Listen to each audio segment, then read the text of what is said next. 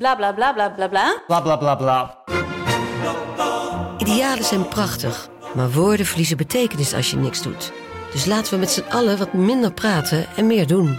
Bij Agmea zijn wij vast begonnen. Zo gaan wij voor minder verkeersslachtoffers, gezonde werknemers en duurzame woningen. Waar ga jij voor? Kijk op www.werkenbijagmea.nl Studio Socrates wordt mede mogelijk gemaakt door Unibed. Há muito tempo você está no meu caminho. Como posso esquecer?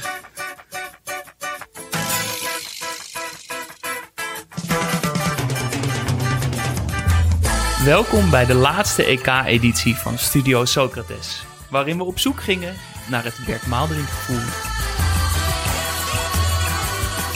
Beleza é você, menina. Menina. Want er waren veel buitenlandse journalisten. Deze mevrouw bijvoorbeeld. Die Louis van Gaal een aardige man vond. Nou, ik ben zeer verrast. Ehm, door mijn, door eh, uw Nederlandse collega's word, eh, word ik niet zo gezien. Ik ben meestal streng en direct. Althans, eh, zo wordt gezegd. Mijn spelers zeggen wel eens wat anders. Omdat hij tegen hen, en zeker tegen Arjen Robben, ook aardig doet. Net als... Zijn lieve vrouw Bernardine en zijn kinderen. Ja, dat zit er allemaal achter. En als die vervelend gaan doen... En misschien heeft, hij, heeft zij het wel gedaan voor eh, de finale tegen Spanje vier jaar geleden. Ja, dan gaat het misschien wel mis. Aardig zijn voor elkaar is dus het devies. Aan het begin van de avond trainde Oranje in het stadion waar gespeeld gaat worden. Het ziet er allemaal picobello uit. Dat vond de bondscoach blijkbaar ook, want Flip leest mee. Mooi hè?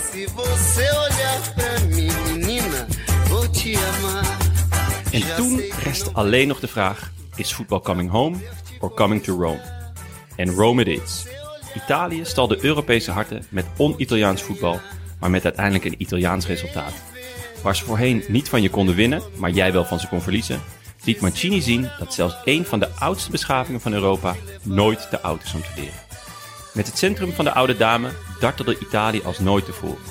En werd Wembley bij een 1-0 stand voor Engeland al in de rust bijna afgebroken. Een onheilspellende vooruitblik voor Boris Johnson en zijn afvalligen, die het succes van de nationale elf toch al als een zekere vinger naar het oude land zagen. Het mocht niet zo zijn en zo blijft de Queen op haar honger zitten met slechts een maaltijd uit 1966 als troost. Voetbal is coming to Rome. Ja, Ja, Jasper. gezegd. Dank je. Dat was het. Ja, En nu zitten we hier met z'n tweeën ja. Daan. Daan is er niet bij. Hij heeft een transfer gemaakt, een gevoelige transfer. naar Frankrijk. naar Frankrijk. Dus eh, we hebben al zijn shirts eh, verbrand inmiddels. die, zitten, die zitten we hier in de, in de vloerverwarming eh, verwerkt. eh, en nu, eh, dus het is hier lekker warm. Ja, Eh, passend einde bij het einde van dit geweldige EK. ja, vind ik wel. Waar we toch intensief met z'n drieën op de voet alles hebben gevolgd.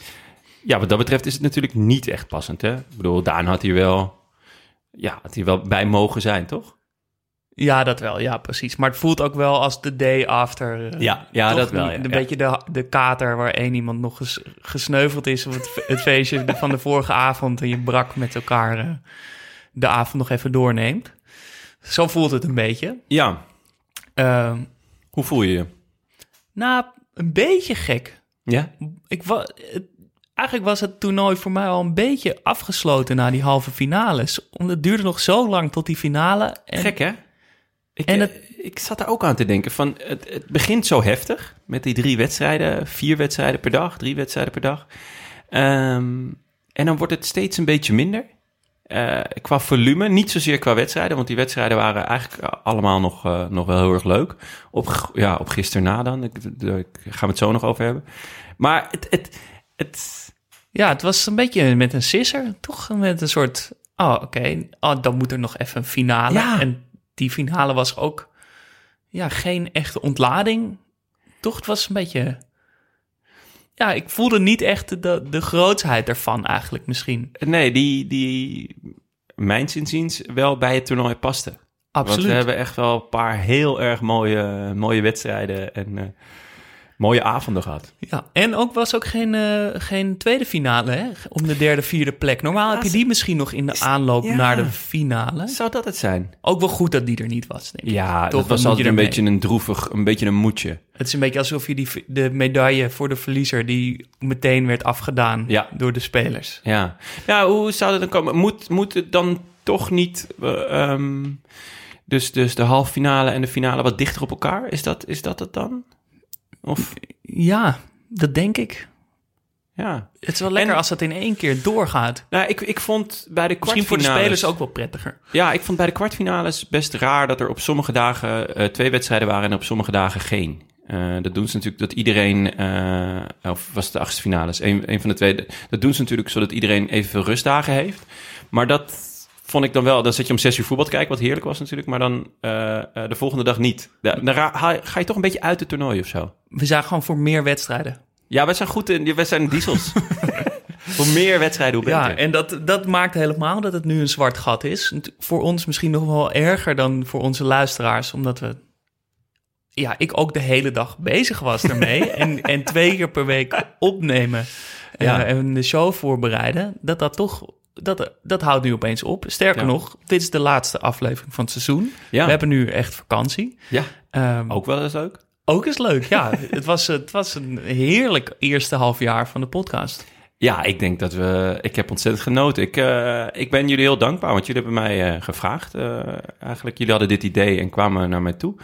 En toen vroeg je me ook als derde stem, niet alleen als producer. En daardoor ben ik ook weer heel veel intensiever naar voetbal gaan kijken. Want ik. ik eh, Hoe keek je naar voetbal voordat je hier aan begon? Was, je, was er jouw enthousiasme een beetje gedoofd? Nou ja, zeker. Eigenlijk van, van, ergens zo rond 2010 ben ik afgehaakt. Vond ik voetbal steeds saaier worden, omdat het toch uiteindelijk de rijkste wint.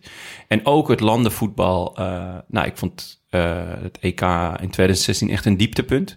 Eh gaan we het straks ook nog wel even over hebben. Maar de, de opzet van, van het EK, en dat vond ik ook dit EK weer storend, is niet leuk met die derde, eh, beste derdes die ook doorgaan. Ehm, maar daardoor werd ik steeds passiever in mijn voetbal kijken.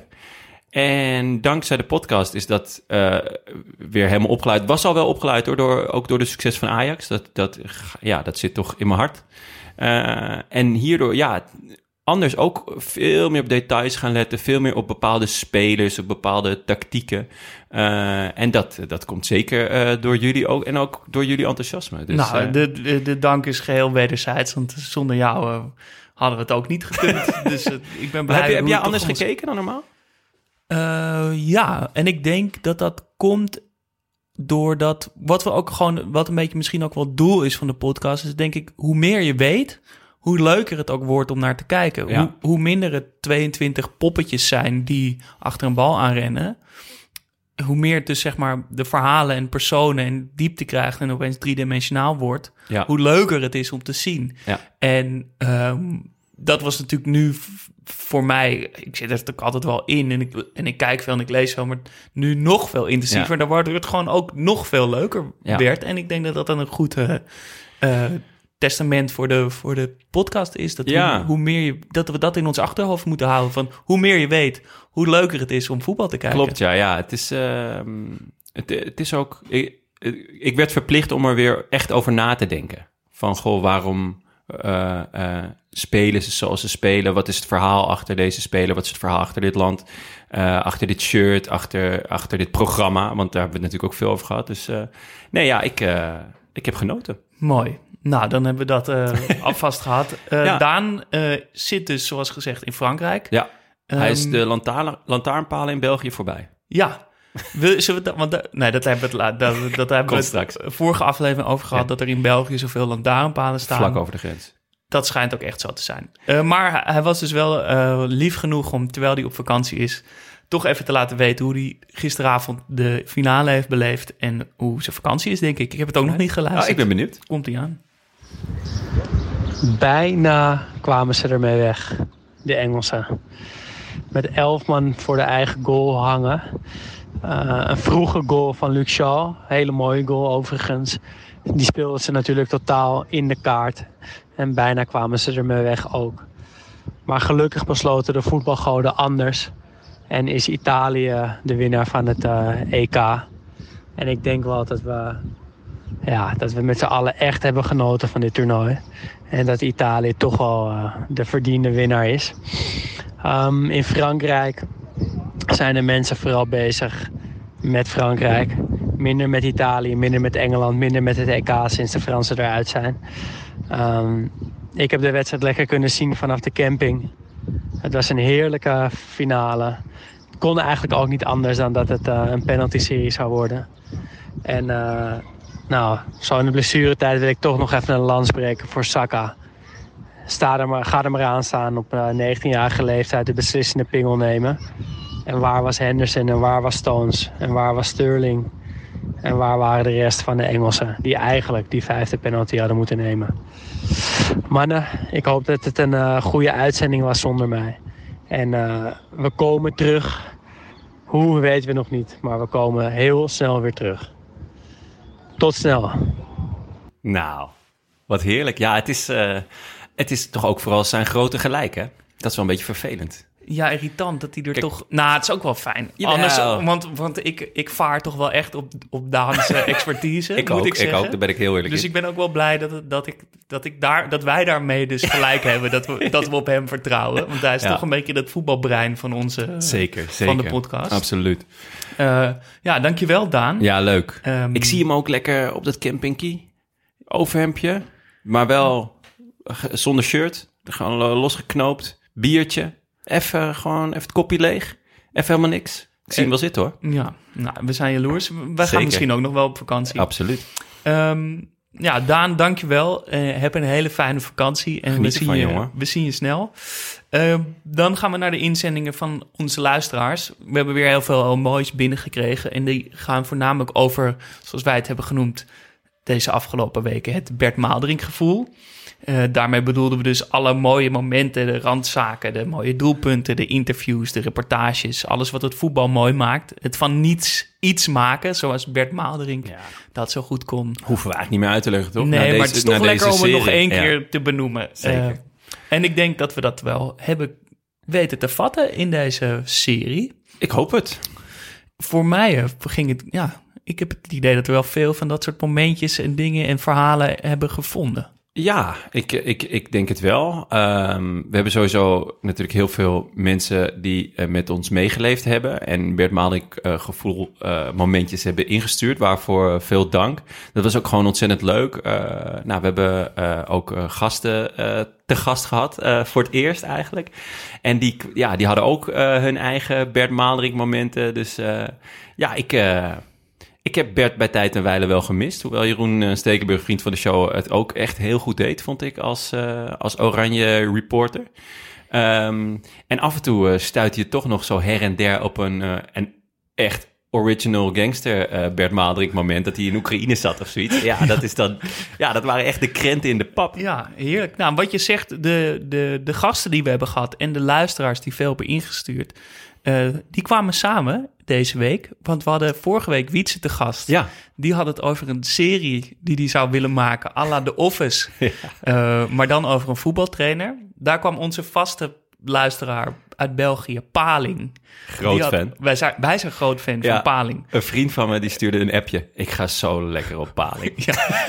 Vooral, ja, het, het een beetje onderkoelde, droge. Ja. Ah mannen, Paling hier. Ja, Daar genieten we elke keer van. Dus. Paling, blijf ook je reacties sturen. Maar eh Paling stuurde als reactie op Wietse's verhaal... eh, dat in België je de FC de kampioenen hebt. En dat, zeker. Heb je dat wel eens gezien? Ja, dat is echt verschrikkelijk, verschrikkelijk slecht. Ja, het, en het vette is dus, er is dus zelfs een podcast over FC de kampioenen. en die afleveringen van de podcast zijn iets van drie of vier keer zo lang als de aflevering zelf. Dus dat is echt, het is echt een aanrader om een keer te luisteren. Echt hilarisch. Eerder de podcast dan de serie zelf. Ja, je moet, je moet even eh, de serie zelf ook kijken om het gevoel te hebben. Eh, maar vervolgens ook die podcast luisteren. Echt een aanrader. Nou, maar Paling zei, raadde Wietse dus vooral af om eh, dat te doen... omdat FC Ja. de kampioenen zo slecht is. Maar Wietse stuurde daar weer een reactie op. Ja, Dus leuk. laten we die eerst erbij pakken. Wits hier met een bericht eh, nou ja, voor jullie, naar aanleiding van de laatste aflevering, maar ook met name voor Paling. Die tipt dan FC de kampioenen als goede Belgische comedy-serie over een voetbalclub. Dat bedoel ik niet. Volgens mij is FC de Kampioen een soort Samson en Gert voor grote mensen. Het gaat om goed geschreven, tong-in-cheek, donkere, eh, sterke, gewoon een beetje van die Britse stijlhumor. Dat is wat ik graag wil maken. Eh, toch bedankt voor de tip daar, Paling. En eh, voor jullie ook nog trouwens, jongens. Aad Mos is gewoon trainer geweest van Ronaldo bij PSV. Even dat hoofdstedelijke van je afschudden af en toe. Goed, succes! Later. Ja, Ja. dankjewel Wietse. Ja. Helemaal terecht. Ja, ik had ergens in mijn achterhoofd het gevoel van... ja, die zou misschien nog wel bij PSV met hem ja, ik, samen ik twijfelde of het niet eh Erik Gerrits, Erik Gerrits en, en Hiddink eh Ja, en advocaat Ronaldo. ook volgens mij, of niet? Ja, maar daar ergens tussenin zat Aad Afkoopsom nog. Maar die is eigenlijk nooit lang ergens. Dus wat dat betreft... Ja, nou, we hadden het moeten weten We in hadden ieder het geval. moeten weten, het is helemaal waar, we zijn te grootstedelijk. Dus sorry voor alle Eindhovenaren die zich groen en geel hebben geërgerd aan onze... Ja, en, en Wietse noemt dan dus eigenlijk ook Eindhoven geen grote stad. Wel, Ja, misschien wel. Ja, dat is Nou. toch ook wel even een statement hoor, wat Maar hij ja, maakt. we- als, als zelfrespecterende podcast over Nee, voetbal moeten we, hadden we dat Gelijk gewoon moeten weten. zeker. Dus dankjewel dat je daar ons nog even op hebt eh, gewezen. Ja, en dus een, een mooie reactie op Paling. Ja. Ehm, want inderdaad, hij wilde dus iets anders maken. En ik heb dus gisteren zat ik te kijken naar, eh, naar de finale. Eh, naar eh, Pickford. En volgens mij is dat echt een ideale eh, rol voor... eh, want hij deed me heel erg denken aan eh, ehm, Dwight of Garrett van The Office. Het ligt een beetje aan of je UK of BBC of USA kijkt. Maar dat is een beetje, ja, de, de gekke sidekick. ja, daar deed Pickford me wel aan denken eigenlijk. Nou, Wietse, eh hou het in je Je achterhoofd. eerste, je eerste casting is al, is al een feit. Mooi. Eh, dan hebben we natuurlijk ook veel gehad over de, de zus... Oh nee, toch niet zus van eh, Courtois. Imke. Imke. of Irma, we weten het nog steeds eigenlijk niet. We weten alleen dat we het steeds fout Ja. zeiden. En dat ze heel goed is. En dat ze heel goed is in de analyse. Ja. We kregen van Jelle Lane nog eh, ingestuurd dat het eenmansbedrijfje dat ze oprichtte toen ze de mediawereld instapte, niet geheel toevallig heet Niet de zus van. dus dat bewijst ook maar Ja. hoe, Het is wel eerlijk. ja, hoe slecht wij geïnformeerd waren in eerste instantie. Maar dat hebben we gelukkig kunnen rechtzetten. Ja, weet je, we zijn ook niet perfect, hè? We zijn ook maar mensen. Nee, we houden gewoon van voetbal. Ja, het is niet anders. Ehm, de capybara van de Konradkade, eh die stuurde in... De capybara van de Conradkade. Vet. Ja, die stuurde in... Vette in, beesten, capybaras. Grootste Ja. knaagdier ter wereld. Ja, hele rare beesten. Ja. Dat tezijde. Eh die stuurde in... In de teams die jullie afgelopen maanden bespraken... werd telkens de speler op de nummer 6 positie uitgelicht. Hoe kijken jullie naar die positie op dit EK... en in het bijzonder van de teams in de finale? Nou, een goede vraag, want zeker. dat is denk ik onderbewust gegaan... maar we hebben daarvoor wel veel over het nummer 6 en Ja. nummer 10's gehad... maar vooral nummer 6. Ja, en Eh, ik, En kun je, wat, wat kun jij hierop eh nou, ik, ik antwoorden? denk dat daar in de toekomst eh, nog wel veel... eh, dat we daar nog wel mee aan de slag gaan. We zullen, nu zullen we de, de mannen uit de finale, de nummer 6 uit de finale... even uitlichten zo voor de capybara van de Conradkade. Maar ehm, we zitten natuurlijk met de podcast na te denken over de volgende stap. Wat gaan we doen? Waar gaan we naar op zoek? We hebben het ook al wel eens gehad over... ehm, eh, afleveringen te maken over een bepaalde positie. Eh, de nummer 10 is natuurlijk eh razend interessant. De nummer 6 vind ik minstens net zo interessant. de li- linksbuiten? Ja, de linksbuiten, absoluut. Het krijt aan zijn schoenen? ja, ehm, de nummer 6 is, is in mijn ogen een heel speciale positie. Eigenlijk ook wel de belangrijkste positie voor het type voetbal dat je wil spelen. Omdat het ehm, een positie is die tussen de verdediging en het middenveld in. Eh, en je, je hebt daarin eh, een beetje twee stijlen. eh, de laatste jaren in ieder geval. En dat is, zet je er een, een, een breker neer. Dus iemand, ja, speel je om af te stoppen. Of een, een voetballer speel je om door te spelen. Ik vond, ehm, ja, niet om Frank de Boer nog een keer kapot te maken. Maar ehm, Frank de Boer die, die zette Lasse Schöne bijvoorbeeld altijd op rechts buiten. En het jaar daarop kwam Peter Bos. Schöne is natuurlijk een voetballer. Het is geen rechtsbuiten, het is eigenlijk een tien. Ehm, dus dat had hij altijd gespeeld. En Peter Bos kwam en eigenlijk het eerste wat hij deed was Lasse op zes zetten. Lasse ik denk dat hij twee of drie keer in zijn leven een bal heeft afgepakt. Ehm, nou, misschien vier, vijf keer een duel gewonnen per ongeluk. En ineens stond hij daar en het werkte. Het, het niet alles werkte, want ja, je bent ook heel erg kwetsbaar. Maar het is, het is een soort keus van oké, wat, wat ga ik proberen? Eh, wa- wat is mijn intentie? Eh, ga ik voetballen of ga ik breken? Ja. Het mooiste is natuurlijk, het allermooiste voorbeeld is jouw grote liefde. Frenkie. Frenkie, zeker. Frenkie is niet echt een zes, maar speelt er op een bepaalde manier wel. Hij is ontzettend goed aan de bal. Ontzettend goed om, om de volgende stap in het spel te maken. Dus, dus een mooi smeermiddel tussen verdediging en middenveld en aanval. Maar hij is ook, en dat wordt nog heel vaak onderschat, ontzettend goed verdedigend. Hij een- Precies. Maar, maar die twee stijlen zagen we gisteren eigenlijk misschien wel heel erg Ja, terug in de finale. zeker. Want we hadden Ja. aan de ene kant Rice en Phillips, wat later Henderson eh, gewisseld, ervoor ingewisseld werd. En aan de andere kant het, het voetballende met eh Jorginho. Jorginho. Eh, ja, en dan met name die laatste heb ik ontzettend van genoten. Absoluut. Maar ik moet zeggen, ook van Rice. Ja, Die was in de eerste helft ook, stoomde op en eh, de- was voetballend ook gewoon heel goed. Phillips was- hebben we eigenlijk niet echt Nee. gezien. Nee, maar dat is dus ook wel weer typisch. Kijk, als je dus, eh, je kan er dus voor kiezen, zet je daar twee man neer. eh, dus naast elkaar. Dat is ook al, al, al een keus natuurlijk. En dan kan je zeggen, nou, ik neem één breker en één voetballer. Als je niet een speler hebt die alles in één heeft. En het gekke was dat Engeland er eigenlijk voor koos gisteren om twee brekers neer te zetten. Waarvan één breker toch wel heel erg goed speelde. Ja. Ja, toevallig, die heeft eigenlijk nog niet zo goed gespeeld ook. Nee. En misschien is dat dus ook wel de, de finale in, in het klein, in de finale toch? De, de Ja. nummer zessen, het duels. Ja. Ehm, maar interessante vraag en zeker een mooie, een mooie metafoor in de finale. En dan dus aan de andere Ja. kant, die Jorginho. En daar dus- kregen we ook een verhaal van ingestuurd Ja. door Lars Vleugels. Die haalde een, een artikel uit de, uit de Sun, eh, wat later ook is overgenomen door Voetbalzone. Over het verhaal van Jorginho. En daar heb ik eigenlijk nooit bij stilgestaan. Dat is natuurlijk een opmerkelijke stap dat je als Braziliaan via Chelsea opeens in het Italiaanse elftal speelt. Ja, Ehm, dat verhaal is zeker zo interessant als je kan vermoeden. Hij is namelijk opgegroeid in Imbituba, aan het strand in Brazilië.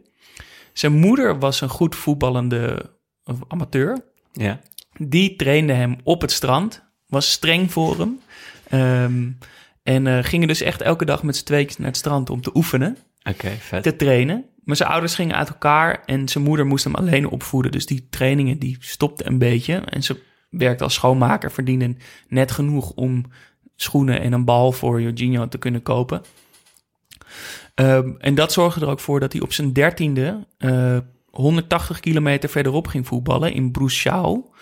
Eh, daar was een voetbalschool, een keiharde voetbalfabriek eigenlijk.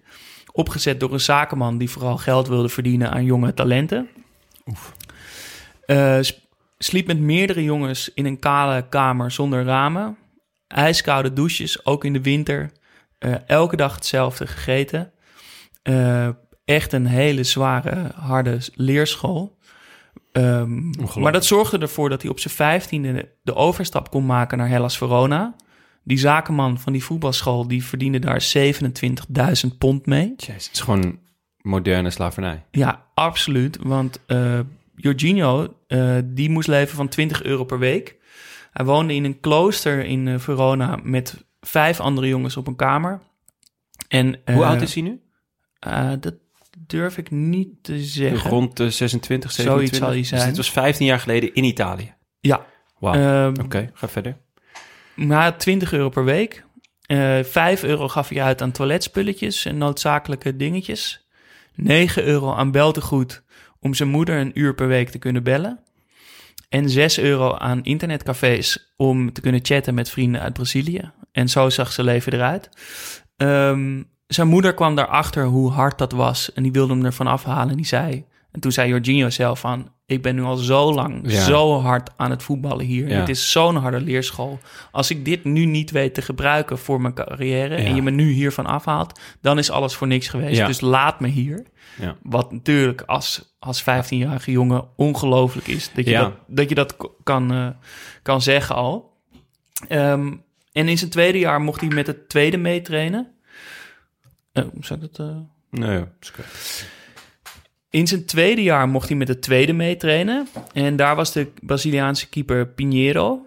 En die nam Jorginho een beetje onder zijn vleugels, gaf hem af en toe wat extra geld, hielp hem een beetje met extra trainingen, eh, kocht uh, sportschoolspullen, zodat hij nog extra aan zijn fysiek kon werken. Want dus, ja, dus is hij eigenlijk nog steeds een heel schriel, ielig mannetje. Uh, en daar kon hij zich wel echt onderscheiden. Hij werd de wolf van de toekomst genoemd, omdat hij zo gretig was. Vet. Um, en vanaf daar ging het eigenlijk steeds beter. Hij werd verhuurd aan Sambo Nifacese in Serie D. Jij als onze Italië-specialist kent deze club natuurlijk uh, van haver tot gort. Certo, certo. um, daar mocht hij in 2011, uh, daarna mocht hij op, in 2011 op zijn 18e aansluiten bij het eerste van Hellas. Uh, die promoveerde dankzij hem in het seizoen 2012-2013. Ging naar Napoli. daar speelde hij Sarri uh, volgde daar Benitez op. Die werd verliefd op Jorginho. Speelde, daarna heeft hij alles gespeeld. Toen Sarri naar uh, Chelsea ging, nam hij uh, Jorginho mee. Had ook Jorginho mee willen nemen naar Juventus toen Sarri daarheen ging. Maar dat, dat lukte niet. Dus vandaar dat hij nog bij Chelsea speelt Jezus. en nu Europees kampioen is. Wat een verhaal, hè? En hij is dus trouwens ook... Hij speelt dus voor Italië omdat hij een Italiaanse opa heeft. Ah. En dankzij die voetbalschool en die opa kon hij de uh, Italiaanse nationaliteit krijgen. Wauw, en uh, dat weet je misschien niet, maar meer uit... Vindt hij voetbal leuk? Ik kan me voorstellen dat als je, als je zo... Ja, een soort slavenarbeid hebt gedaan je hele leven... dat je dan op een gegeven moment ook zegt, ja... Nou, dat denk ik wel. Tenminste, ik heb hem dat niet horen zeggen, maar dat ja. vul ik dan een beetje in, omdat hij ook de manier hoe hij speelt, Ja. zo, zo in dienst van het elftal, Ja. loopt, maakt veel vuile meters, is heel erg een, een motor, eh, Ja. Helpt andere mensen beter te spelen en daarnaast kan hij goed voetballen. We kennen hem van zijn penalties. Ja. Eh, maar ook bij Chelsea en bij Napoli wa- was hij dus echt ontzettend belangrijk in die omschakeling van verdediging naar, eh, naar aanval. Ja. Dus ik kan me niet anders voor. Dat, als je zo'n voetballer bent, dan moet je to- toch de, Ja. schoonheid van voetbal Nee, inzien. zeker, denk het ook wel. Mooi, mooi dat het, eh, dat het gelukt is. Maar ja, oh, net zo droevig voor, voor zijn verhaal zijn er natuurlijk minstens net zoveel eh, en waarschijnlijk heel veel meer verhalen waarbij het dus niet gelukt is. Dus die wel zo ver zijn gegaan, die kinderen. Ja. Eh, inclusief die verschrikkelijke eh eh voetbalfabriek.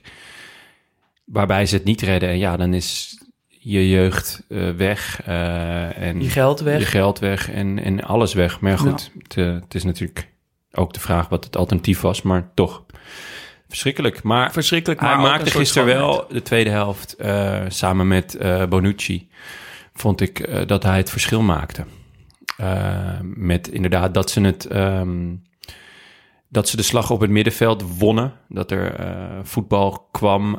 dat ze onder de druk van Engeland uit wisten te komen. En ja, daar was hij wel een, een belangrijke pion in. Ja. Nou, dat krijgt nu hier door dit verhaal ook weer extra lading. En Ja. wordt het voetbal dus toch ook nog mooier. Ja. Eh, we hebben nieuwe vrienden van de show. Slederinho 3000. Goverto Baggio. en Palmeiras Nou Tem Mundial. Veel Brazilianen de laatste tijd. Hè, merk Ja. Je de merkt namen toch worden eh, steeds, eh, dat, dat Brazilië ver is gekomen, deze Copa. Ja. ja, en een Italiaan, Goverto Ja. Baggio. Ja, ook schitterend. Ja. We hebben deze week echt Succes. mooie nieuwe, nieuwe namen. Ah, wel een beetje successupport zo. Nou, Brazilië trouwens niet gewonnen. nee, dat is waar. Eh dankjewel daarvoor. Leuk. Word ook vriend van de show. Dat kan gewoon, je kan gewoon vriend blijven worden en hopen op een mooier tweede seizoen dan het eerste. Dat Nog mooier. Nog, Nog mooier. Eh, dat waarderen we heel erg. Ga naar vriendvandeshow.nl slash Studio Socrates. Word vriend en eh, dan houden we je op de hoogte over eh, het tweede seizoen. En hoe Ja. we dat nog groter kunnen aanpakken dankzij Ja. jouw bijdrage.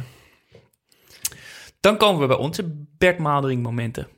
Ja, ik, heb, ik heb niet één moment ehm, eh, eruit gepikt, maar ik heb meer mezelf gevraagd van, is het gelukt? Ik bedoel, we, we hebben onszelf eh, voor deze serie eh, de vraag gesteld van, of we zijn op zoek gegaan naar het Bert Maalderink gevoel. En ik, ja, het is dus een beetje de vraag, is, is dat gelukt? En, ehm, Kunnen we dat zelf inschatten?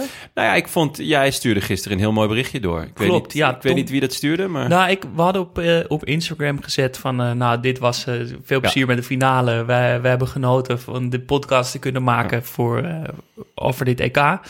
Eh, hopelijk hebben jullie daarvan genoten. En toen stuurde Tommy Theo heel lief in. En dat is misschien wel het mooiste compliment wat we hebben gehad tot nu toe. Die zei, jullie waren Bert Maalderink. Nou, ja, dat vond ik echt heel mooi. Daar kreeg ik echt eh, kippenvel van. Dat vond ik echt heel erg leuk.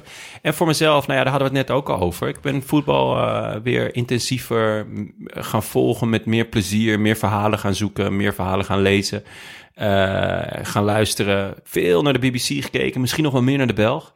Eh, af en toe NOS ook, die, eh, die ook gewoon echt wel, eh, vond ik ten opzichte van de vorige toernooien, een veel leukere opzet hadden. Van het, nog niet alles was geslaagd, maar ik vond het wel heel prettig. dat de er variatie. geen hond meer was. Nou ja, dat vooral. En, en geen bloedhond. Ik bedoel Hugo Borst. Die, die was er veel minder. Ehm, eh, ja, ik bedoel, als je, het is niet erg als je chagrijnig en cynisch en depressief bent, maar hè, mij er niet meer lastig. Dus ehm, dat, dat vond ik, ja, ik vond dat de NOS echt een heel grote stap heeft gezet eh, naar een heel mooi programma. En eh, ja, eh, BBC en Sportza stonden echt als een huis met als hoogtepunt Aster. Dat, daar heb ik echt ontzettend van genoten. En natuurlijk van Gary Lineker, maar dat, dat, dat wisten we al. Ehm, dus ja, voor mijn, mijn eigen Bert Maling gevoel... dat, dat heb ik weer eh, meer gevonden in mezelf als, als eh, voetballiefhebber. Ik heb natuurlijk eh, een jaar of tien geleden de, de overstap gemaakt... van mijn eerste liefde naar mijn, dus mijn kalverliefde, wat voetbal toch is... naar, naar, mijn- naar een iets volwassenere relatie met het wielrennen... waar ik ook nog steeds ontzettend van geniet en ook heerlijk in zit. Maar Maar Ja. nu, nu geil je toch weer een beetje op de rondborstige blondine die voetbal is. Ja, kijk, a- oude liefde roest niet, hè, Jas? Oude liefde roest niet. Dus eh, nee, dat... ehm, ja, dit, dit zei ik net al tegen je. Ik ben, ik ben er heel blij mee en het, eh, het, het voelde heel goed. Dus eh, wat, wat mij betreft, voor mezelf is het geslaagd. En ik hoop voor onze luisteraars ook.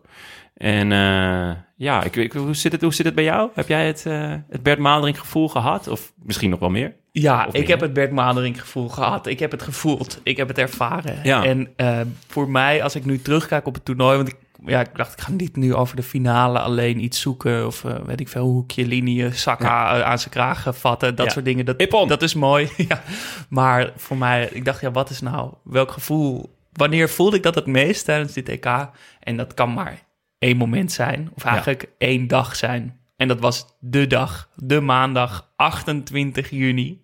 Voor altijd de geschiedenis in, wat mij betreft, als de mooiste voetbaldag ooit.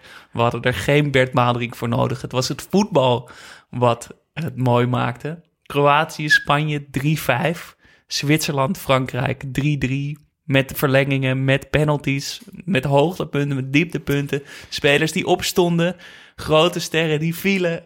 Het had alles, alles, zat hè? erin. Het voetbal overwon uiteindelijk, Ja. denk ik. De, de, de ploegen die durfden te voetballen en mooi voetbalden, kwamen door. Zeker. Ehm, een, ja, een mooier gaat het denk ik nooit worden. En, Een en- dag om nooit te vergeten, voetbal voor de, voor de neutrale kijk. Ik bedoel, ik denk, ik denk dat we qua emotie... zal je als, als Nederland ver komt of mooi voetbalt... of eh, nou ja, we hebben het over het EK 2008 gehad natuurlijk een paar weken geleden...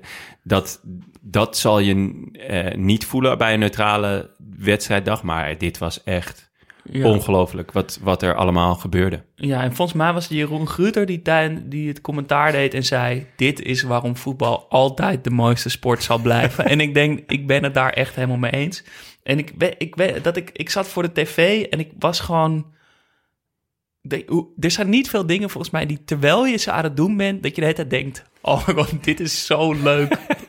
Toch? Meestal denk je achteraf, wauw, dat was vet. Ja, ja, ja. ja. Maar er zijn maar een paar dingen die je terwijl je dat doet, denkt: Jezus, ik Noem wil niet dat dit stopt. Nou, ik dacht skiën. Daar heb ik dat. Ja? Ja, ik heb pas Ik één denk, keer in mijn leven, het- één keer in mijn leven geskiet... en toen was ik al heel blij dat ik niet dood ging. Ja, nou, maar ik, vond het wel heel leuk. Ik ben absoluut geen stylist, maar ik, ik, Maar eh, ik werk mezelf wel de, de berg af. Oké, ja. En eh, ik heb dat dan, als je dan zo heel lekker die bochtjes en de piste is mooi glad en wit en, en nog helemaal leeg en stil, Ja. s ochtends vroeg, dat je dat aan het doen bent en je denkt, dit is zo leuk. ik wil dit voor altijd. Oké. Ik heb het ook met uit eten gaan. Ja, Als ik naar een echt goed restaurant ga, dat ik, Ja. Dat ik denk, jezus, wat Ja. is, klopt Ja, dit allemaal? wat en wat is het allemaal? eten geweldig? Ja. Wat is de bediening leuk en lief? En wat ziet het er mooi uit? En dan voel je je zo verzorgd en, en Ja. ja, eh, en ja, misschien ook eh, dat ene andere. Shuttleboel? Ja, laten we daarover houden. Nee, ja, ehm, ja, dat gevoel. Gewoon, ja. ja. Ik, ja, dat Ja, ik ik heb voor het de ook- tv zat. Dat Ik heb het altijd, eh, als ik eh, bij, eh, in, in wedstrijden zelf, als ik gewoon zelf voetbalde, had ik dat ook wel eens. Dat, dat je gewoon, zeker als er veel mensen langs de kant stonden en belangrijke wedstrijden en je speelt lekker, dat je denkt, oh ja, Ja, dit is lekker. ja, dit is... Daar gaan we, weet je wel. Ja, en dan Zo- vlieg je over dat veld. Ja, dan het gebeurt ook wel eens dat je niet vliegt en gewoon gewisseld wordt. Maar nee, nee maar dat je, weet je, zo vlak voor de wedstrijd, die spanning met, met, met z'n allen één zijn. Dus dat team en dan zo, ja oké, daar gaan Ja. we boys. En dat je naar elkaar Ja. kijkt en denkt, oh ja, dit het moet nu gebeuren. Ja, Maar dat, Mooi. dat eh, ultieme gevoel van eh, dit is zo leuk, dat ervoer ik tijdens eh, die maandag. lekker. Ja, terecht ook.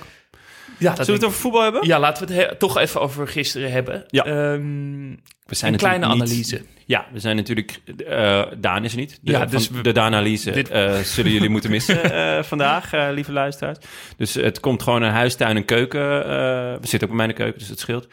Eh huistuin en keukenanalyse van eh, twee welwillende amateurs. Ja, toch? Ja, dat, ja, wa- want het is natuurlijk... We kunnen Ja, het niet nu een, kunnen een week lang over, al die, over Nee. de alle wedstrijden hebben... en nu niet over de finale. Nee. Een furieuze Engelse start. Alles klopte in het begin, zeker de eerste 20 minuten. Ja. Geweldige goal van Shaw. Ja, Eh, die technisch, die zo technisch knap hè, hoe hij hem pakt als Ja. dropkick. Dat Hij hij hem niet in één zo. keer neemt. Ja, Ja. super vet genomen. binnenkant paal. Ja, En dat het een, een, een bal was van Trippier naar Shaw, die wingbacks. Ja. Dat dat systeem werkte, dat het geen defensief systeem was, maar juist een heel positief, aanvallend. eh, En een, eh, een heel verrassende rol voor Kane. Kijk, Ja. eh, ik vind het altijd een beetje een houten klaas. Eh, maar voor een spits kan hij best aardig ballen. Eh, veel spitsen zijn toch beperkt voetbaltechnisch. En we hadden het... Spanje had natuurlijk de code gekraakt tegen Italië... door met een uitzakkende spits te gaan spelen. En ja, België deed dat niet tegen Italië... want die hebben natuurlijk gewoon Lukaku. En Engeland dreigt een beetje hetzelfde lot te ondergaan... want Kane is gewoon aanvoerder natuurlijk. Maar hij deed het echt goed de eerste helft. Hij zakte veel uit, kwam veel in de bal. Gaf die bal ook op Trippier bij die goal. En eh, deed er dus ook veel goeds mee. Hij draaide vaak open, eh, zocht de bal vooruit ook. En eh, eigenlijk het enige zwakke punt van Bonucci en Chiellini, doordekken, dat, dat werd best goed uitgebuit. Ja, maar in de, ongeveer de twintigste minuten was er een pauze en haalde Mancini Chiesa naar de kant en offerde eigenlijk die aanvaller Chiesa op. En Chiesa moest achter Shaw en Trippier aanrennen. Ja. En dat werkte. Italië kregen iets meer Grip, hè? grip op de wedstrijd. Engeland ging steeds meer verdedigen.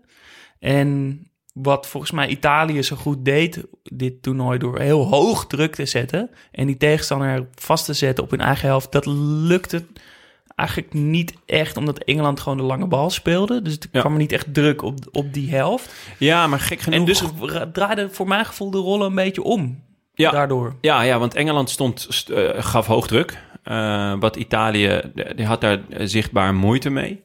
Ehm hadden moeite om, om eh, de volgende linie te bereiken. Dus het ging heel vaak Chiellini, Bonucci, Donnarumma. En dan in net iets andere volgorde.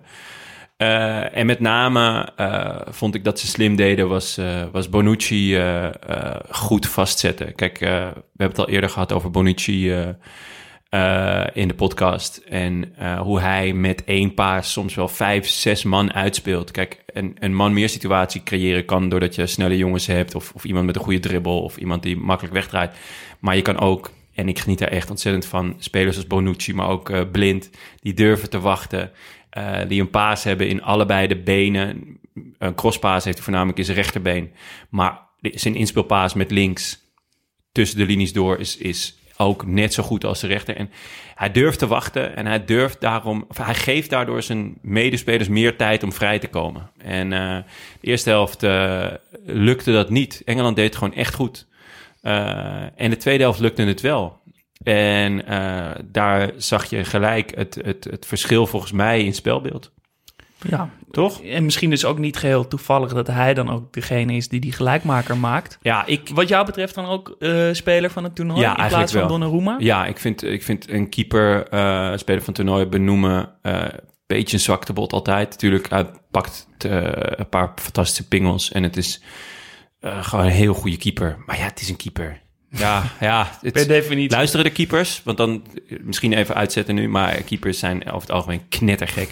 Eh, en eh, rare, eh, eh, ja, in hun eentje zijn ze in een team, wat al gek is. Heb, ja, je- heb jij wel eens een, een niet knettergekke keeper mee, meegemaakt? Eh, ja, eentje. Echt? Ja. Oh, oh wat, Maar ja, in de C5 van Swift. ja, ja. Teun heette Ja, die. En hij is nog een keer eh, op eh, stage bij Ajax geweest. Dat was echt, Echt? een hele goede keeper, ja. Wauw. Maar waarschijnlijk afgevallen omdat hij niet gek genoeg was. Dat denk ik, dat Ja. zal haast wel.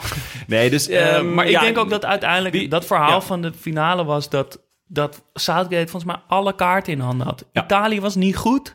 Hij had een tactisch voordeel in het begin. Ja. Dat werd omgezet door Mancini. En hij reageerde er niet op. Sterker nog, ze gingen alleen maar met z'n allen voor de pot staan... en hopen dat ze die 1-0 over de streep gingen trekken. En wat mij betreft het absolute dieptepunt... dus dat die twee spelers voor de penalties erin brengt... Ja. En dat die, die stonden klaar in de 26e minuut van de verlenging. En toen ging ik wachten tot het echt vlak voor dat eindsignaal. Ja. Ja, maar wat, hoe- welk, welk vertrouwen geef je dan aan die spelers? Ja, van, je bent echt niet goed genoeg. eh, want ik denk als ik jou nu op, in eh, drie minuten voor tijd erin breng, dat we dan nog verliezen. Maar één minuut voor tijd mag je er wel in, omdat je wel een goede penalty hebt. ja, Ja, ik... ik ja, en dat hij ehm, niet durfde door te duwen. En dat hij dan niet aanvallend durfde Ja. te, te wisselen. En ja, Ja, het is vooral Ik denk- je eh, penalties is eh, naast een, een, eh, een technisch aspect waar je gewoon op kan trainen, is het ook een mentaal aspect. Want hè, er staat enorm veel druk op. En een coach kan een aantal dingen doen om die druk eraf te halen. Ehm, zoals Van Gaal ooit deed. Die Ja. haalde de druk er enorm af door eh, Tim Krul erin te brengen. ja, dan werkt het dus opeens wel. Ja, want eh, de, de, de, de tegenstander gaat automatisch nadenken. En dat is iets wat je, ja, wat je graag wil. In, eh, eigenlijk altijd. Dat, dat de tegenstander gaat twijfelen. Goh, wat moet ik doen? Oh, wow, dat is een heel andere keeper. En hier, ja, is, is- worden er ineens jongens ingebracht... die letterlijk nog de bal niet hebben gehad. Eh, ik weet, ik heb niet exact de statistieken bij, erbij... maar volgens mij heeft Rashford niet of nauwelijks minuten gemaakt dit toernooi. Ehm, Misschien in de, in de Een paar keer ingevallen. een paar keer ingevallen. Ook pas in, op het laatst. En Eh, daar, dus- daarin, in die invalbeurt, ook helemaal nog geen Nee. bal geraakt. Ehm, en eh, Sancho, ja, natuurlijk ook super, super jong.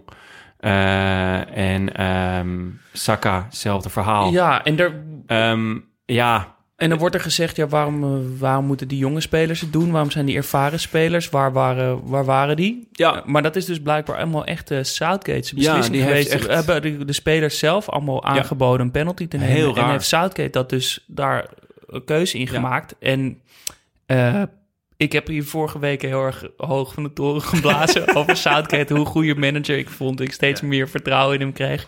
Maar ik neem graag mijn, dat, mijn ongelijk. Want ik denk dat Southgate die de finale verliest voor ze met die keuzes. Ja. En de, de, niet, in Nou ja, eerste hij- instantie in niet de tactische omzetten. nou, in En- eerste en instantie door- had hij tactisch dus goed gedaan. Want Ja, hij en past elke keer wat aan. Dat vond ik wel knap. dat dat jou- het, ja, het toernooi, het toernooi deed hij elke keer wat, wat aangepast. En dat Maar- vond ik goed. Maar tijdens deze wedstrijd dus niet. Ja, en dan daarna met die strafschop. het is uiteindelijk een soort schaken. Ehm, dus je maakt een opstelling, je, je hebt een plan en dat plan werkt totdat nou ja, de tegenstander ook weer wat doet. En Mancini deed dat ook, inderdaad, die omzet met Chiesa.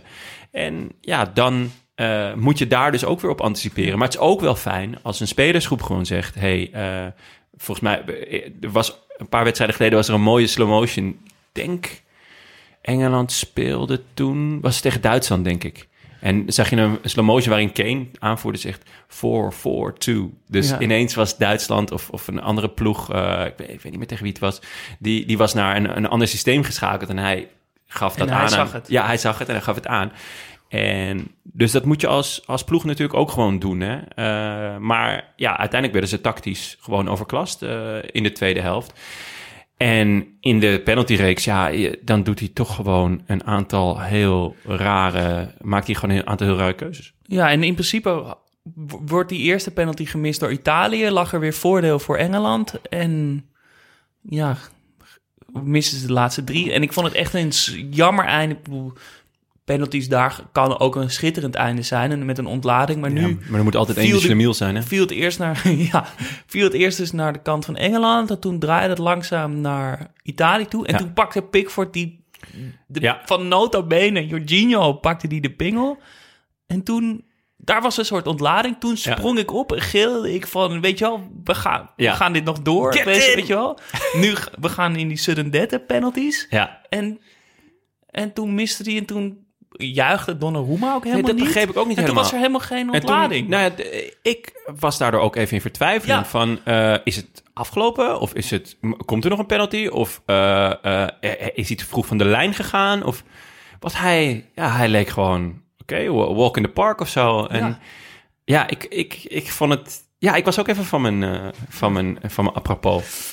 Zonde. Maar goed. Maar goed. Eh, Ehm, hadden we nog een paar dingen uit de wedstrijd die we... Zeker, wilden- zeker, zeker. Ik, eh, kleine dingetjes? een aantal dingen hebben we al benoemd. Ik had nog wat dingen. De streaker. Ja. Er was een streaker. Werd niet in beeld gebracht. Nou, maar ho, eeuwig, even. eeuwig zonde. Ik vind ook niet dat als je daar... Je moet... Kijk, van mij mag je best streaken. Tuurlijk. Maar dan moet je bloot. Zeker. Er is toch? Ja, zeker. En dan vind ik dat je als steward wordt het ook al gemakkelijk. Van Ja, waar, ja, waar waar ga je hem pakken? Ja. pakken? Zo. Toch? een- Maar als je dan je broek aanhoudt en pas op het veld je shirt uittrekt... Ja. Dat, dat vind ik echt, eh, Dan ben je echt, echt een, een, een, een. Ja. Ja. Dus bij deze oproep, als je dan Oh. al een keer wil strieken, Gewoon full Monty. full Monty. Ja, mooi. Ehm, ja, Bonucci hebben we het over gehad. Chiellini. De ontspanning. Zou je In- ook wel de, de, de speler van het toernooi kunnen noemen, Ja, toch? zeker. Ook met die vorige penalty-serie, Ja. dat hij zo lachend uh, Klopt. De Jordi Alba op zijn schouder slaat. Ja, de ontspanning. eh, ik zag een, een tweetje van Nienke de Jong. En er was een foto tijdens het volkslied van Chiellini... waarin hij met een soort glimlach en zijn ogen dicht helemaal zen stond. En ze had er iets bij geschreven van... als mijn kinderen aan het zeuren zijn dat ze niet deze pasta willen, maar andere pasta. En dat ze dan zo'n heel zen gezicht had. En zo zag hij er ook uit. Maar zo zag hij het hele toernooi eruit. Een soort GVR. Beetje de grote vriendelijke reus van Roald Dahl. En, maar op het moment dat Saka er voorbij is, pats, Ippon. wat Gewoon een die heerlijk beeld was dat. Ja, heel vet. Dus dat, eh, daar heb ik ook echt nog even van genoten. Ik denk wel dat ik zou zeggen dat hij eh, misschien naast Kier de, de speler van het toernooi is. Ja, ja Kier was ook een heel mooie keuze Had, geweest. was een mooie keuze Ja, geweest. Maar zeker. er is natuurlijk iemand uit de finale dan. Ja, Ehm, Pickford hebben we het natuurlijk al even over gehad. Als, eh, als bij- Dwight. Als Dwight, maar wel een, een zwakke broeder, toch? Ja, het op verschil met Donnarumma was wel... eh, echt groot. groot. En op een gegeven moment er was een, een, eh, een lange bal van achteruit van Italië. En die, die eh, speler van Italië probeert hem in één keer uit, neemt hem in één keer uit de lucht. Net niet, net wel. En hij draait gewoon zijn kont erin, Pickford. En toen dacht ik, wow... Dit heb ik gewoon in de F'jes, kreeg ik al echt op mijn flikker als ik dit deed. Sch- niet je kont erin! En dan denk ik, oké, dan sta je in de EK-finale. Dus eh, dat vond ik nog, ja, dat, dat, dat vond ik een, een zwak punt. Zeker als je verdedigend speelt als eh, Engeland, dan, dan is een goede keeper toch wel een must. Henderson kwam erin en ging er weer uit, vond ik ook wel grappig. Ja. Toch, hè? ja, en terecht. Eh, qua, Want die mocht geen penalty nemen. Nee, ja, die, is zijn penalty dan zo slecht, vraag ik me ook af. Ja, en daarna kwam de medailleuitreiking. Ja, En daar kregen we een inzending van vriend van de show, Erwin van der Pol. Die schrijft voor Hartgras. ja leuk. En Mooi heeft blad. deze week in Hartgras 138, die, deze, die nu in de winkels ligt, eh, een stuk geschreven over die medailleuitreiking en wat voor een bizar fenomeen dat is. Ik zal een klein stukje voorlezen. Ja, leuk. Wat mis ik dat? In deze tijd van het jaar, een late avond in mei of juni, Michel Platini die de medailles uitreikt naar een Europese finale. Rond de 30 keer onverholen arrogantie. Kijkgenot in telkens drie kleine bewegingen. Eerst de geveinsde emotie, dan de machinale routine en tot slot, het mooiste moment, de nonchalance van de macht. De ceremonie kent een vast scenario. Eerst de ongewenste huldiging met geveinsd verdriet voor de verliezers. Een valse hoofdknik naar links voor alle gladiatoren van het onfortuinlijke elftal. Soms plotseling een troostende de Judaskus voor zomaar een speler. Die zich helemaal rot schrikt. Beroemde mannen kunnen erop rekenen dat hun faam beloond wordt. Met een zweterige omhelzing, die natuurlijk ook alle Fransen van elk elftal tot deel valt. Bij de winnaar wordt alles, dit alles herhaald met een subtiel wat korter hoofdknikje voor de gelukkige, nu naar rechts. Soms een enkel tikje met de vlakke hand op het hoofd bij zowel de verliezers als de winnaar. Dat zich dan uit een soort balorigheid twee, drie spelers daarna herhaalt, maar gelukkig ook weer ophoudt als Michel bij zinnen komt. Je kunt niet iedereen op zijn hoofd blijven slaan.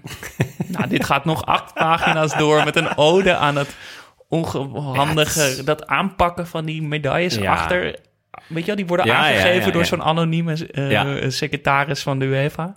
Ja, En dit keer dan met Severin en niet met eh Michel Platini. Nee, Platini was er natuurlijk ook wel echt... Die eh, verliezende spelers die meteen afdoen. Ja. Wat ik ook wel snap ergens. Ja. Vind ik, ik vind niet dat je dat moet. Nee, maar het is ook een beetje kopieergedrag, want vroeger was het niet zo. En nu, op een gegeven moment heeft iemand dat gedaan en sommigen geven hem gelijk weg. Ja. denk ik ook, ja, zonde. Is toch gewoon zilver, is veel waard. Smelt het om. Maak er een mooie ring van. Maar goed, ga, Nee, eh, ja, voor- eh, absoluut een mooie. Ja, mooie vet. aanrader Maar voor, altijd, voor een ja. mooie, raar fenomeen. Sowieso echt leuk om te kijken. eh openingsceremonies, sluitceremonies en huldigingsceremonies. Allemaal buitengewoon ongemakkelijke televisie. Ik ben er een groot fan van. Ehm, ook nog shout-out naar Messi en Neymar... die van de uitreiking in de Copa America iets moois maakten. Die allebei Oh. met ontbloot bovenlijf elkaar naast elkaar gezeten... elkaar aan het troosten en complimenteren waren. Mooi. was een mooi beeld. Ja. Ehm, en daarna dus vooral grimmige sfeer in Engeland. het Nou, liep in uit de, de- hand. In de rust al. In de rust. Was er een bestorming, Vooraf. een bestorming van Wembley. Ja. Eh, van mensen die geen kaartje hadden en die toch naar binnen wilden. En, eh, Die werden er echt gewoon uitgeramd. en we, we willen het in deze podcast vooral over de mooie dingen van het voetbal hebben. Maar dat er dan kritiek is op spelers die op hun knie zitten voor eh, Black Lives Matter. Die overigens door Italië en Engeland allebei werd gedaan eh, Ja. voorafgaande. En dat er dan achteraf mensen zijn die zeggen dat de drie gemiste spelers zwart zijn. En eh, daar conclusies aan verbinden. Nou, echt? is toch ja, is echt de aller, allerlelijkste kant van, van de sport. Oh, wauw, dat heb ik nog even helemaal gemist, Dat joh. Boris Johnson had dus al kritiek op het, knieën, op het knielen. En achteraf de lelijkheid die daar overheen kwam. Verschrikkelijk. Dus blijf het vooral doen. Ja, dus la- maar laten we het dus niet over die lelijke kant hebben. Laten we het Ja. over de mooie kant hebben. En ik heb een eh, vriend in, eh, in Italië, Diego Pani. Dat was Goeie mijn naam. chef eh, in het restaurant waar ik werkte. Vet. Een hele jonge, eh, enthousiaste, echte Italiaan. Zoals alleen echte Italianen Italiaans kunnen zijn. Ehm, en die stuurde meteen na de wedstrijd allemaal filmpjes van... Hij, hij komt uit Ventimiglia, van eh, Ventimiglia wat helemaal op zijn kop stond. Mensen die op auto's klommen. Voorbijrijdende auto's werden bijna ver geduwd. Ja? Mensen helemaal door het dolle. En toen Vet. stuurde die ook nog dit.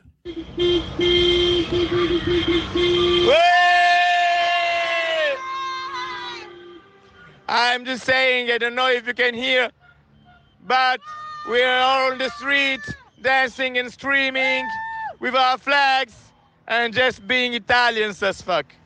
Ja, gefeliciteerd eh, eh, Diego, als je dit hoort. Eh, waarschijnlijk wordt het lastig in het Nederlands. Maar we zijn blij voor je. We zijn blij voor alle Italianen.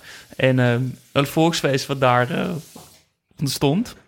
Hij stuurde ook nog een filmpje met twee halfnaakte vrouwen... die uit het raam van zijn auto hingen. Terwijl hij natuurlijk ook heel dronken over straat... eh, Oeh, dat filmpje had ik nog niet gecheckt. ja, die kan je nog, eh, kan je nog zien. Zet die ook even op de socials anders voor onze volgers. Nou, veel getoeter. En eh, eh, als, je, als je in de buurt bent van Ventimiglia, ga eten bij restaurant Marco Polo 1960. Geweldig visrestaurant op het strand. Ik kan het weten, ik heb er een paar maanden gewerkt. Bij deze reclame En, ervoor. eh, ja, eh, geef een shout-out eh, van Jasper. Ik neem Ja. aan dat je dan wel wat korting krijgt. Ja, sowieso. Dan, eh, daar is Diego is daar niet eh, de beroerd zien. Vet, mooi. Ehm, Leuk hoor. Ehm, ja, we hadden natuurlijk ook een voorbeschouwing gemaakt, hè? ja, En ehm, ja, dat, eh, die, die hebben we even teruggekeken van, goh, wa- was alles raak? Hè? Eh, niet alles was raak. We, hebben, we hadden een, eh, een aantal voorspellingen. Ja, we hoopten eh, dat er een aantal dingen zouden, zouden gebeuren of eh, verwachten. Ehm, we hadden een paar vragen gesteld. Zoals, eh, welk land gaat verrassen? Is er überhaupt een land dat kan verrassen? Ehm, ja, we hadden toen Oekraïne. Omdat Nou. ze boven Portugal geëindigd in de kwalificatie. Ja, eigenlijk wel hè? toch wel. Ver Ja. gekomen. Ja, kwartfinale. Eh, best regelmatig ook leuk voetbal. In ieder geval geprobeerd te spelen. Jarmolenko. Zeker, echt een leuke speler. Ik vond wel, als hij niet speelde, was het ook gelijk eh, wel een stuk minder eh, aantrekkelijk. Eh, Denemarken. Nou, Nou, dat is denk ik de, de grootste verrassing van dit toernooi. hebben we dus van tevoren toch goed Ja, ingeschat. zeker. Ehm, we hadden ook mindere voorspellingen. Schotland. Ja, Ja, niet gezien eigenlijk. niet gezien. Wel fijn dat ze er weer bij waren, want fantastisch publiek natuurlijk. Ja, de Schotten hebben zich van hun mooiste kant laten Ja. zien. In, en dat is nu met de Engelsen die er Ja, één grote de lelijkste van kant. ja. maken. En Schotland-Engeland is natuurlijk echt een, een, een, een, een klassieker. Ja, en de Eh, grootste teleurstelling. Ja, ook voor ons, want we hadden ze voorspeld als verrassing, was toch eh, Turkije. Ehm, en we hadden ook nog spelers die we van tevoren eruit hebben gehaald. Eh, vooral Daan kwam met eh, Berardi en Locatelli. Ja, Nou, die dat- hebben het gewoon heel erg laten Klopt, zien. zeker in de poolfase waren die heel erg, eh, eh, ja, die schitterden echt. Dus dat bewijst maar hoe, weer eens hoe goed het kompas van Daan is. Ja. Derfi Soglu werd genoemd. Ja. Nou, niet gezien. Maar dat was ook vooral omdat hij nog tegen, zelf tegen hem had gespeeld. Ik denk dat hij dat heel graag nog even wat benadrukken. Ehm, Sancho, Grealish, Foden, Bellingham. De jonge talenten van Engeland, waar ik eigenlijk veel van heb verwacht. Maar kwamen eigenlijk helemaal niet aan spelen toe door het systeem. Nee, en dat is ook iets wat we hadden gezegd in die voorbereiding. Van, er zijn veel teams die mooie opstellingen kunnen, kunnen maken. eh, maar dat waarschijnlijk niet gaan doen. Zoals Frankrijk, België, Portugal, Engeland, Nederland. En ja, daar zie ik ook wel een... ehm, Een trend. Een trend. Ehm, we hadden toen ook gezegd van er zijn veel teams in een 5-3-2 of 3-5-2 systeem. Eh, wij hebben dat toen eh, eh, het lelijkste systeem wat er is genoemd. En daar ben ik het eigenlijk wel mee eens. Ik, ik las een eh, mooi artikel op VE Pro van, van de hoofdredacteur Pieter Zwart over trends in, in, in, in voetbalsystemen. En het toernooi wa- waar ik heel warme herinneringen aan heb, dus het EK 2008, waren er heel veel teams die 4-2-3-1 speelden. Dat, kan dat kan je natuurlijk zo verdedigend en zo aanvallend uitleggen als je wil. Eh, maar dit keer was het duidelijk dat de trend, trend 5-3-2 was. En eh, ja, als dat, dat valt en staat echt bij die wingbacks. En als die of niet goed spelen of te verdedigend spelen, dan zit je eigenlijk gewoon naar toevalsvoetbal te kijken. Naar heel saai toevalsvoetbal. Ja. En we hebben een paar, denk ik, voorbeelden gehad van dat 5-3-2 wel heel mooi werkte. Ja. Met, met hele hoge backs. Eh, Ja. Maar eigenlijk meerdere keren niet. En ik denk dat ik daar... Ja, uiteindelijk heeft denk ik het voetbal gewonnen, toch? Nou ja, dat, de de- spelen, dat de ploegen die of 5-3-2 speelden... Klopt. op een aanvallende manier... of vanuit de eigen kracht uitgingen in een ander systeem... Ja. gewonnen hebben. Ja, En, eh, veel eh, eh, ploegen ook die 5-3-2 speelden, die werden of uitgeschakeld of ehm, gingen gaandeweg het toernooi anders spelen. Ehm, eh, eigenlijk alleen Engeland is er wel echt ver mee gekomen. Maar ja, dan kom je wel bij de eeuwige dilemma. Kijk, als je speelt zoals Engeland speelt, ehm, dan moet je winnen. Het is er nog bijna Want- gelukt ook. Ja, het is er nog bijna gelukt. Daan zei het mooi in zijn voice memo. Dan moet je winnen. Het Nederlands elftal, het WK 2010, ook super lelijk voetbal. Als je zo speelt, dan moet je all the way gaan. Want anders is er niemand die je onthoudt. En uiteindelijk gaat het toch om het verhaal wat je schrijft. Het verhaal wat je maakt als team, als land. Als wat, hoe wil je herinnerd worden? Ja, en Italië Ehm, wordt er gewoon eh, kampioen mee. Dat ook, maar je, ja, je kan of herinnerd worden doordat je die prijs pakt. Dus, dus doordat je all the way gaat. Of je, het sterft in schoonheid. Of je wint in schoonheid. Dat is natuurlijk het allermooist. Maar ja, het is de vraag hoe, hoe, hoe wil je de geschiedenis ingaan? En eh, Ik ja. denk dat Denemarken inderdaad kan terugkijken op groots en meeslepend met Ja. mooi voetbal. En een toernooi zal blijven wat ze zich voor altijd herinneren. ja, Daardoor. ook. Ja, zeker. Ehm, dan Ehm, hadden we nog Dolberg voorspeld Ja. als verrassing. Ja. Nou, dat is Dat uitgekomen. is ook uitgekomen. en Gravenberg hebben we ook benoemd en dat is helemaal niet eh Nee, gelukt. nee. Eén invalbeurt en dat ging niet... Of één baasplek dat en, een- en wat invalbeurtjes. Niet. Nee, was niet, eh, niet zijn toernooi. Ehm, ja, eh, de spelers die het, die, als we gewoon sec bekijken naar het toernooi, waar we echt van genoten hebben. Ik denk dat de, als, zeg maar, als verrassing die het het beste heeft gedaan, is het, of tenminste, ja, ik kan het bijna geen verrassing meer noemen, P3.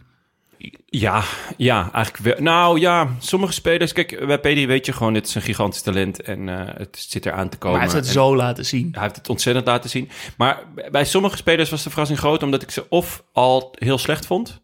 eh, of niet echt kende. Ik bedoel, eh Chiesa, daar heb ik echt van genoten. Spinazzola ook, kende ik niet echt. Xhaka. Maar ja, Chaka kende ik dus wel, want ik ben Arsenal-fan. Oh, en ik heb me daar denk ik een jaar of vijf, zes, zeven... ik weet niet hoe lang aan geërgerd. En hij was werelds. Hij was echt werelds. Hetzelfde geldt voor Pogba. Die had voor mij ook speler van het toernooi mogen worden. Maar ja, ze komen niet ver. Maar man, wat speelde die goed, hè? Ja, Eh, Renato Sanchez. Renato Sanchez, de, de, de, de nemesis vandaan. Ja, daar Ja. hebben we nooit een hoge pet van opgehad. Nee, ik zie dat gifje nog voor me dat Daan Ja, hem elke keer stuurt. Maar, was het- ongeloof heeft zichzelf echt weer in Ja, de nu- kijker gespeeld. Nu Daan er niet is, kunnen we dat gewoon rustig Nu- zeggen. Zonder dat hij, eh, Zonder dat hij gelijk begint te gaat- schelden. En eh, fysiek wordt hij ook vaak dan.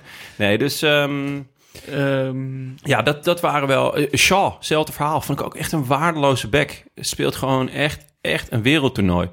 Ehm nou, Dolberg wisten we ergens wel dat het erin zat. Maar ja, het is... Ja, eh, het kwam er toch best uit. ja het is... eh, maar het, het, het komt er zo zelden uit bij hem. Dat is een beetje het, eh, de, en het lastige. misschien de, de meest opvallende naam die we echt niet kenden was Damskaart.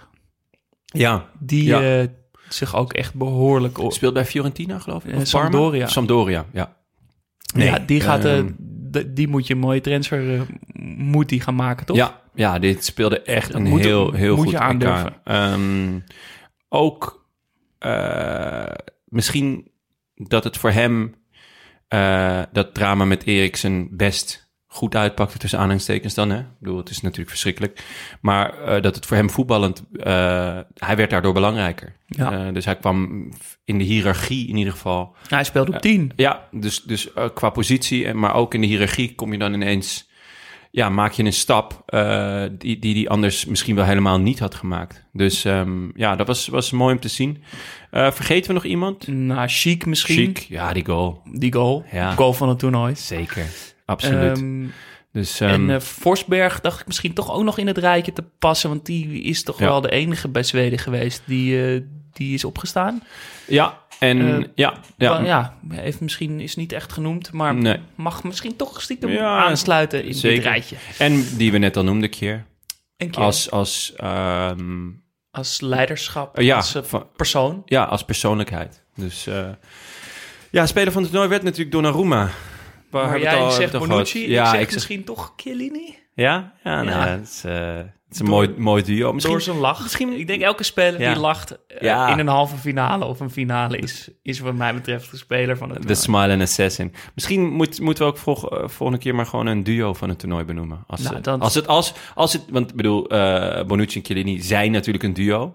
Je bedoel, je kan niet tegen Jip en Janneke zeggen van, hey, jullie hebben de boekenprijs gewonnen, maar eigenlijk alleen Jip. Ja. Weet je, je moet, die moet je gewoon in zijn geheel Ze leggen. gaan nu ook samen op vakantie, hè? Echt? Ja. Eh, en die foto van hun... Naar Italië in- zeker. het zal wel. Eh, die foto van hun in bed Ja, met die, met die met die beker. Is, is ook wel misschien een gaaf. foto van het toernooi. ja absoluut, absoluut. Ehm, Tot ik slot. Denk, ja, tot slot denk ik dat het... Ik denk dat ik zou willen zeggen dat het toernooi... dat wat gaan we onthouden? Hoe we dit he- Ja. toernooi herinneren. Want jij had een mooi rijtje met... eh, Nou, het vorige WK herinner ik de VAR. Dat was voor het eerst dat we dus met elektrische hulpmiddelen... en het was de, ineens was er, waren er elke wedstrijd drie penalties... en allerlei discussies, wel of niet. Het was wel een, eh, een stap vooruit. Of het was een stap, maar of hij in de goede richting was... was niet helemaal duidelijk. Ik vind de VAR dit toernooi fantastisch. Ik heb vanaf het begin af aan ben ik altijd groot voorstander, voorstander Ja. geweest van de VAR. Ja, er zijn nog steeds fouten. Ja, er is nog steeds interpretatie. Maar het is al zoveel beter. En nu eerste- helemaal. Die eerste aflevering, volgens mij hebben we toen gezegd van... eh, toen koos Makkely in de openingswedstrijd ervoor om niet een pingel te geven... voor, voor een soort van aangeschoten hensbal. En daarmee zette hij echt de toon voor de rest van het toernooi. Of misschien is dat geïnstrueerd hè, door Max wel. Ehm, maar dat, dat scheelde zoveel. Ik vond eigenlijk... Er is één ding die te bepalend is geweest... en dat vond ik in de halve finale die pingel voor, ehm, Ja, voor wel- Sterling. Wederom van Makkely. Ja, klopt. Je kan hem geven, maar je had hem eigenlijk niet moeten geven. Nou goed, dus dat was de VAR. Dat E- het vorige EK, wat was daar? Wat onthouden we daar aan? Ja, ik vond dat met dat verschrikkelijke IJsland, met die verschrikkelijke hakka's en, en, en dus een heel nieuw toernooi opzet, heel saai door die derde ploegen die doorgingen, maar ook heel veel matige ploegen die doorgingen, matige ploegen die ver kwamen. Nederland was er niet bij, dat zou ook niet geholpen hebben. Ehm, dus, dus daar heb ik heb aan het vorige EK een heel, heel zure herinnering. Eh, dat ligt natuurlijk grotendeels aan mezelf, maar eh, het zal vast ook wel met het EK te maken hebben. En ik vond dat het contrast met dit EK daarom best groot was. En Ehm, dus kunnen we dit EK, als we over vier jaar terugkijken naar dit EK, wat herinneren we, ons dan daaraan? Nou, dat, dat eh, ploegen die, die eh, wilden voetballen, die, die, die eh, eh, naar voren voetbalden, aantrekkelijk, geen afbraakvoetbal, eh, ploegen die, eh, eh, ja, zelfs bij ploegen dus zoals Italië, waar het niet in hun genen zat, die die keuze hebben gemaakt, dat die ver zijn gekomen. En dat die, Denemarken, Zwitserland, Ja, zeker. Eh, Spanje Italië, op een gegeven moment toch Spanje. ook. Maar ja, die, Ehm, dat zijn misschien dan de enigen die dan uitgeschakeld werden. Ja, die zijn uitgeschakeld. Natuurlijk kan uiteindelijk Maar kan er maar één winnen. Maar ehm, ja, de, dus het- het voetbal, jij zei het net al, het voetbal overwon, in, vond ik in veel gevallen. Ik vind wel eh, dat er echt, echt moet gekeken naar de toernooi, worden gekeken naar de toernooiopzet. Misschien kan je met eh, minder pools die groter zijn gaan werken. Of eh, desnoods laat je nog eh, acht landen meedoen. Want ja, er doen toch, Noord-Macedonië doet toch al mee. Ja, dan maakt het ook niet uit of San Marino. San Marino en Andorra ook een keertje meedoen. Wat kan ons het rotten? Zodat er maar twee doorgaan in de pool. Want nu, ja, Spanje ging door met drie punten, geloof ik. Of zoiets. Eh, heel veel ploegen gingen door met drie punten. Ja, je wint een potje. En dan is het hopen. En, eh, het, en eh, dat vond ik ook een zwaktebod. Dat, dat, dan werden er in, in pool A en B werden er al wedstrijden gespeeld. waardoor in pool C en D er dan ineens ploegen geplaatst waren. Terwijl dat mag natuurlijk helemaal geen invloed hebben op elkaar. Daar, dat, dat is gewoon ja, onzin. Dat, dat je door, doordat Ja, een andere ploeg bepaald aantal Als je als laatste speelt, dat je je tegenstander bijna kan uitkiezen. Ja, inderdaad. En dat, dat is gewoon... Ja, Nou, dat, dat, is dan misschien de niet. enige kanttekening bij, eh, Ja. bij DTK. Eh, Tenminste, ja. de enige. Nou ja, ja een, een kanttekening bij, bij, de, bij de opzet van het EK. En dat is natuurlijk eh, een keus die altijd, en dat is altijd met zure keus in het voetbal, komt altijd voort uit geld. Eh, en nu ook weer, eh, dit is gewoon een keus van meer wedstrijden, meer landen die geïnteresseerd zijn, meer rechten, meer Coca-Cola, meer hamburgers die ze kunnen verkopen, meer TikTok. En dus- fair enough ook ergens. Dat, het- Ehm, nou ja, dat er ja, meer dus- landen is prima. Maar doe dan, doe dan nog meer landen en, en zorg dan dat het op die manier aantrekkelijker of leuker wordt. Want op deze manier wordt, het, wordt in ieder geval de poolfase niet per se leuker. Precies. Nou, laten we, dat, laten we het eh, dus nu dit EK onderstrepen als een EK waar het voetbal al verwon. Zeker, en hoe zeker. geweldig dat was om te zien. Ja. Dan zijn we aan het eind gekomen. Ja. Jonne. We kunnen Ja. met de vakantie. Ja, zeker. Ja, dat is, eh, nou ja, ik, ik heb nog een weekje tour te gaan, wat ook heerlijk is. Kan ik iedereen aanraden. Ja, dat Eh, helpt het zwarte gat ja, misschien een beetje Klopt, alhoewel het is vandaag ook rustig is. Dus Ja. dat is dan ook wel weer... eh, maar het is ook wel goed. Even rust. Even rust in mijn hoofd ook. Kopje weer leeg. Heel goed. Nee, Eh, ja. Ik heb wij eh, zijn, genoten. Wij zijn, wij zijn terug ergens in het nieuwe seizoen. Ja. We weten nog niet precies wanneer. We weten nog niet precies hoe. We weten alleen dat we doorgaan met seizoen 2 en dat het Ja. beter gaat worden. Ja, dat, We gaan een stap, we gaan een stap proberen te maken. We nog gaan beter worden zonder de identiteiten uit het oog te verliezen. Klopt, we gaan tekenen bij dag en nacht. Dus eh, dat is ook Als het goed is. Als het goed is. ja, Tim, waar blijft het contract? Nee, ehm, ja, dus dat, eh, dat vind ik heel mooi. Ik vind dat we in een half jaar eh, echt veel bereikt en een mooie stap hebben gezet en heel veel plezier hebben gemaakt. Ja, en daarvoor willen we jullie luisteraars dus allemaal bedanken. Want wat hebben we een boel hele lieve berichtjes gehad. Een heleboel rectificaties waar we ook heel dankbaar voor zijn. Heel veel mooie inzendingen. Bert momenten. Foto's. Foto's. Opmerkingen. Tips over eh, eh, Fiorentina shirts. eh, Ja. die Ga- ik, heb je het gekocht? Nee, nog niet. Ik ga hem, ik ga hem zo meteen, ga ik hem, maar ik wou het niet... Ja, dus echt heel erg bedankt. Dat maakt het nog leuker en dat, om zo dichtbij te staan. En zo, ja, we zijn natuurlijk nooit volledig met de podcast. Nee. En het is zo lekker om dan alles wat we zijn vergeten of wat we Ja. verkeerd hebben gezegd dan van jullie te horen. Dus blijf vooral dat soort dingen inzenden. Ook volgend Ook seizoen, ideeën. ook nu. Als je voor mooie volgende- verhalen hebt over bepaalde teams of eh, zeg van hé hey jongens, eh, misschien kunnen jullie daarin duiken of daarin duiken. Dat zijn we allemaal eh, mee bezig en naar op zoek om, ja, om die volgende stap te maken met de podcast. Daar gaan we nu in onze vakantie hard aan werken. En natuurlijk nog speciale dank aan Daan, die er niet bij is, maar natuurlijk ons voetballend licht is. Absoluut. Eh, die nu ergens op een berg in Frankrijk zit. Heerlijk. Eh, en jij ontzettend bedankt, Jonne. Insgelijks. Was nou, voordat dit eh, te klef wordt. We hebben ons shirt al uit hoor. U luisterde naar Studio Socrates, gepresenteerd door Jonne Seriese en mezelf. En ook een klein beetje door Beetje Daan Daan, Sutorius. ja. Vond je het leuk? Abonneer je dan en laat een 5 sterren review achter, zodat we makkelijker te vinden zijn. Maar, belangrijker nog, wil je net als Henri een echt goed doel steunen, maak dan ook 100% van je salaris aan ons over of 2,50 per maand. Dat mag natuurlijk ook. Ga naar vriendvandeshow.nl slash Studio Socrates en word vriend voor een schamel bedrag van 30 euro per jaar of elk ander bedrag naar keuze. Hier kan je ook terecht voor vragen, verbeteringen en spraakberichten. Die kunnen eventueel als blessuretijd afgespeeld Ja, worden. we hebben er nog eentje. We hebben er nog eentje. En we hebben zelfs nog een klein toetje. Met nog een toetje. Dus blijf Ja. vooral luisteren. Wil je dat allemaal liever via Insta doen? Dat kan ook. Sluit dan in onze DM via studio laagstreepje Socrates. Waar we ook foto's, filmpjes en linkjes uit de aflevering delen. Hey mannen, eh, Matthijs hier. Ehm, ik wilde het eigenlijk eh, typen in het bericht op uh, vriendvandeshow.nl, maar ehm, ik had iets te veel tekst, dus eh, toen kon ik het niet versturen, dus ik dacht ik doe het even zo. Ehm, mijn Bert Maalderink moment in het weekend van de EK-finale heeft eigenlijk niks met het EK te maken. Tijdens de oefenwedstrijd Ajax-Paderborn op het terrein van Quick 20 in Oldenzaal, shout-out Bjorn Kuipers van de Jumbo, eh, wordt er een penalty gegeven nadat Ajax-spits Danilo wordt gevloerd. De omroeper dienst heeft er geen aandacht voor. Ze is druk bezig met het oplezen van de winnende nummers van de loterij van die dag. Terwijl Zakaria Labiat de bal klaarlegt, alvorens hij de penalty in twee instanties tot doelpunt zal promoveren, meldt de stadionspeaker nog even dat er een fietssleutel gevonden is. Met twee ringetjes. Af te halen na de wedstrijd. De EK-finale moet nog gespeeld worden, maar ik kan eigenlijk niet wachten op het nieuwe seizoen.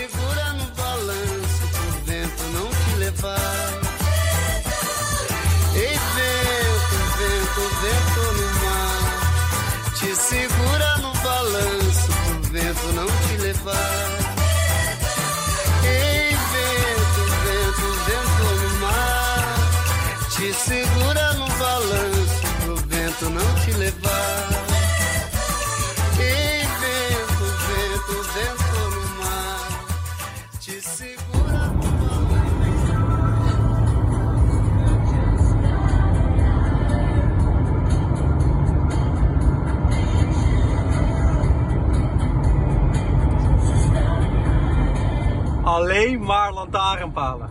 Meteen als je de grens overkomt.